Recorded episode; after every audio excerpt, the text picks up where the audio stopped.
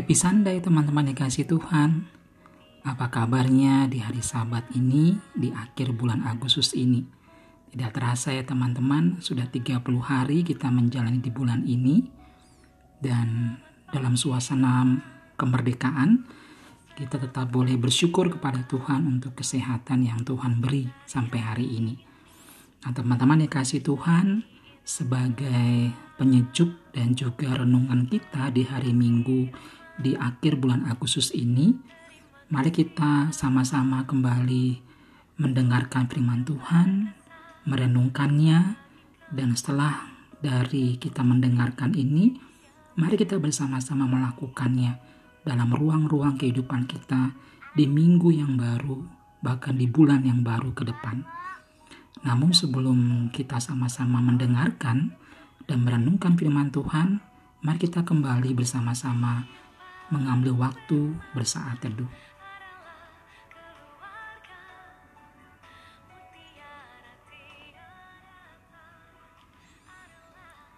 Teman-teman dikasih Tuhan, pagi ini kita kembali akan membaca dari kitab yang sama, yaitu kitab yang dituliskan oleh Rasul Paulus kepada jemaat di Kolose.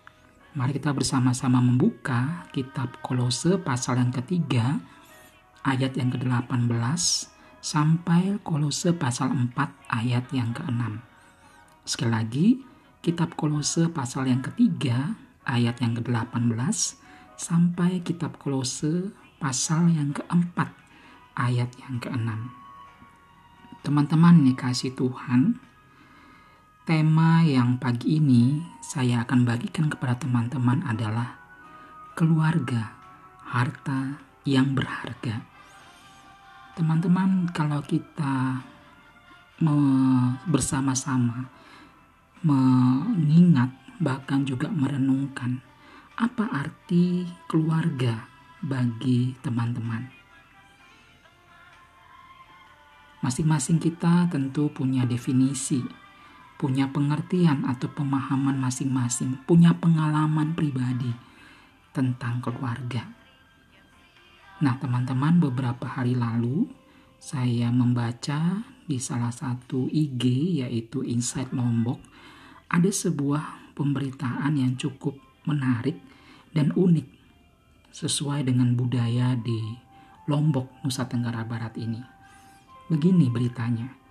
Dalam rubrik insert Lombok itu dikatakan bahwa ada perkunjungan dari Menteri Koordinator Bidang Pembangunan Manusia dan Kebudayaan atau disingkat dengan Menko PMK yaitu bernama Muhaji Effendi yang hari Jumat kemarin tanggal 28 Agustus mengadakan perkunjungan ke Nusa Tenggara Barat. Dalam perkunjungan itu dia uh, Pak Effendi ini atau Pak Muhajir ini bersama dengan beberapa tokoh masyarakat dan tokoh agama membagikan atau mensosialisasikan juga membagikan uh, masker kepada masyarakat di daerah Desa Tratak, Lombok Tengah. Nah, di dalam perkunjungan itu atau dalam kegiatan uh, sosialisasi penggunaan masker itu ada yang menarik juga yang beliau sampaikan kepada masyarakat Lombok. Apa yang membuat menarik? Ada satu kalimat yang penting dan menarik, yaitu Pak Muhajir bilang bahwa bagi masyarakat Lombok secara khusus diharapkan dalam masa-masa pandemi ini dimohon untuk tidak menikah dini itu teman-teman. Diharapkan supaya masyarakat Lombok ini tidak menikah dini. Kenapa teman-teman? Ternyata sang menteri ini atau Pak Muhajir ini sudah mendapatkan info sebelumnya, bahkan mungkin juga dari pemberitaan dan cerita-cerita masyarakat Lombok, bahwa masyarakat Lombok khususnya punya satu budaya yang itu sudah melekat di sebagian besar dari kehidupan masyarakat Lombok, yaitu pernikahan dini. Jadi pernikahan ini bukan hanya sebuah sinetron, tapi sebenarnya dalam masyarakat Lombok secara khusus itu sudah semacam membudaya. Jadi banyak anak-anak di Lombok khususnya usia-usia remaja masih tingkat SMP, bahkan SMA, bahkan juga belum lulus dari kedua-duanya, itu mereka mengambil keputusan untuk menikah muda. Ada banyak faktor teman-teman yang mempengaruhi kenapa masyarakat Lombok mengambil keputusan, khususnya orang-orang muda, untuk menikah lebih dini. Bisa jadi karena faktor ekonomi, bisa jadi juga karena desakan keluarga, atau mungkin faktor-faktor yang lain. Namun ini menarik karena sampai sang menteri saja datang ke Lombok dan sekaligus menyampaikan harapannya agar sementara di masa-masa pandemi ini masyarakat Lombok khususnya kaula muda, anak-anak muda, anak-anak pelajar menahan diri untuk menikah diri.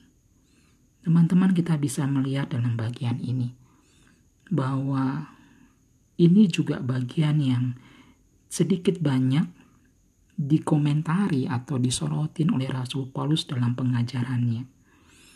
Kalau kita melihat di dalam bagian ini, Rasul Paulus kembali mengingatkan bahwa pentingnya penerapan hak dan kewajiban dari dalam keluarga. Menurut William Buckley dalam tulisannya, ada dua prinsip umum yang harus dipahami oleh orang-orang percaya. Yang pertama adalah etika Kristen itu merupakan kewajiban timbal balik. Artinya apa? Ada kewajiban orang tua, ada juga kewajiban istri. Ada kewajiban suami terhadap istri, ada juga kewajiban orang tua dan anak. Suami memiliki kewajiban yang sama penting dengan kewajiban istri. Orang tua juga demikian, memiliki tugas yang sama, mengikatnya dengan tugas seorang anak.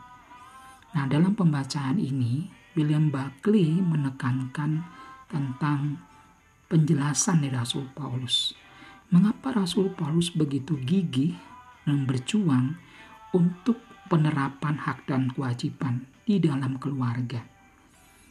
Kalau kita melihat lebih jauh dalam tradisi masyarakat Yahudi, itu orang-orang masyarakat Yahudi menganggap bahwa suamilah yang memegang peranan penting.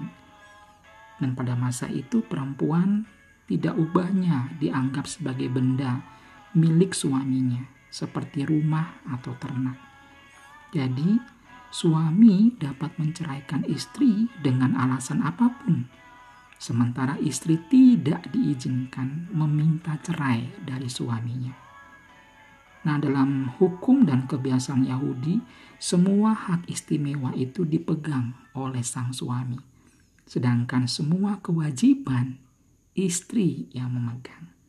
Ini bagian ini yang disoroti oleh para Rasul Paulus yang dikritisi oleh Rasul Paulus. Tujuannya adalah memperbaiki semua tatanan masyarakat supaya masyarakat benar-benar mengerti bahwa kehadiran hukum yang ada itu bukan untuk menekan, tapi justru membawa orang-orang itu mengenal tentang Allah yang sejati itu. Bagian berikutnya kita bisa melihat dalam hukum Roma juga dikenal dengan istilah patria protes, protestas yaitu hukum tentang kekuasaan ayah, uh, kekuasaan ayah.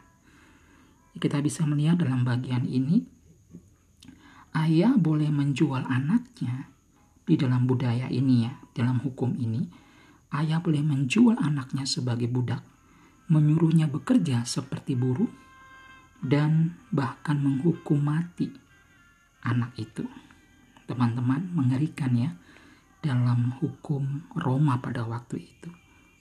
Nah, saudara yang kasih Tuhan, prinsip yang kedua dari penjelasan William Buckley tentang uh, pengajaran Rasul Paulus ini adalah hubungan antar keluarga berada di dalam Tuhan.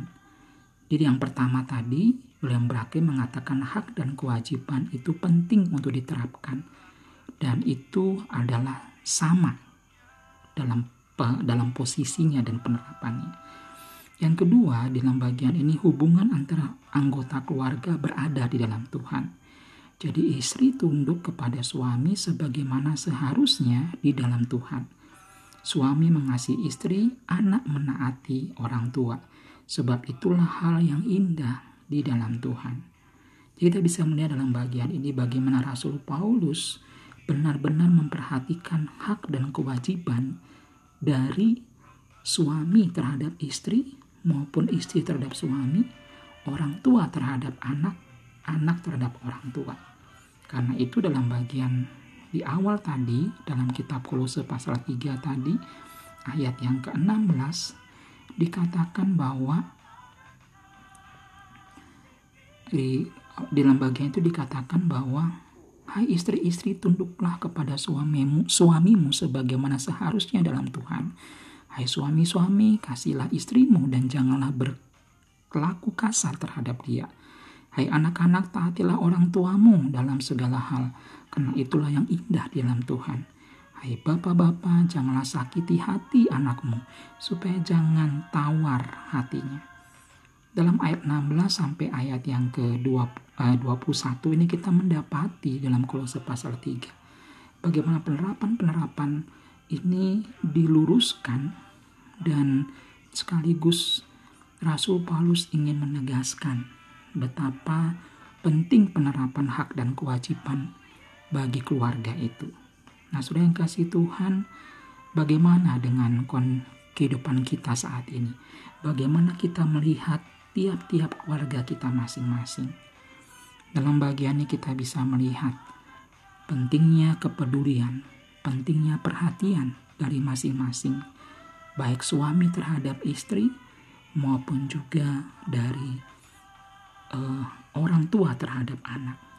Kita tidak bisa mengatakan bahwa hari ini suami harus dihormatin dan istri itu hanya kerjanya di rumah. Dalam arti kata, ya dia hanya memuaskan kebutuhan suami dan memerankan perannya sebagai ibu rumah tangga. Hari ini kita melihat ada banyak wanita-wanita di dalam Tuhan yang Tuhan pakai berhasil dalam bidang-bidang profesi mana pun. Kalau kita juga melihat relasi orang tua dengan anak, kita juga tidak bisa memaksakan jika orang orang jika seorang anak itu bersikap kasar atau tidak taat. Bisa jadi itu karena ketidaktaatan atau mungkin ketidakmampuan orang tua mengajarkan didikan bagi sang anak mungkin karena terlalu manja sehingga ketika dia menjadi anak ini menjadi dewasa yang terjadi adalah adanya konflik di tengah-tengah keluarga itu atau faktor lain misalnya komunikasi dalam keluarga itu yang sangat minim dan dangkal sehingga akhirnya ketika dia bertumbuh menjadi seorang dewasa dia bisa meninggalkan orang tuanya. Saudara yang kasih Tuhan, dalam kisah John Newton yang menciptakan lagu Amazing Grace, ia pernah berkata demikian. Aku tahu ayahku mengasihiku, namun agaknya ia tak ingin aku menyaksikannya. Kasih kepada anak perlu diperlihatkan. Jangan hanya disiplin saja yang diterapkan.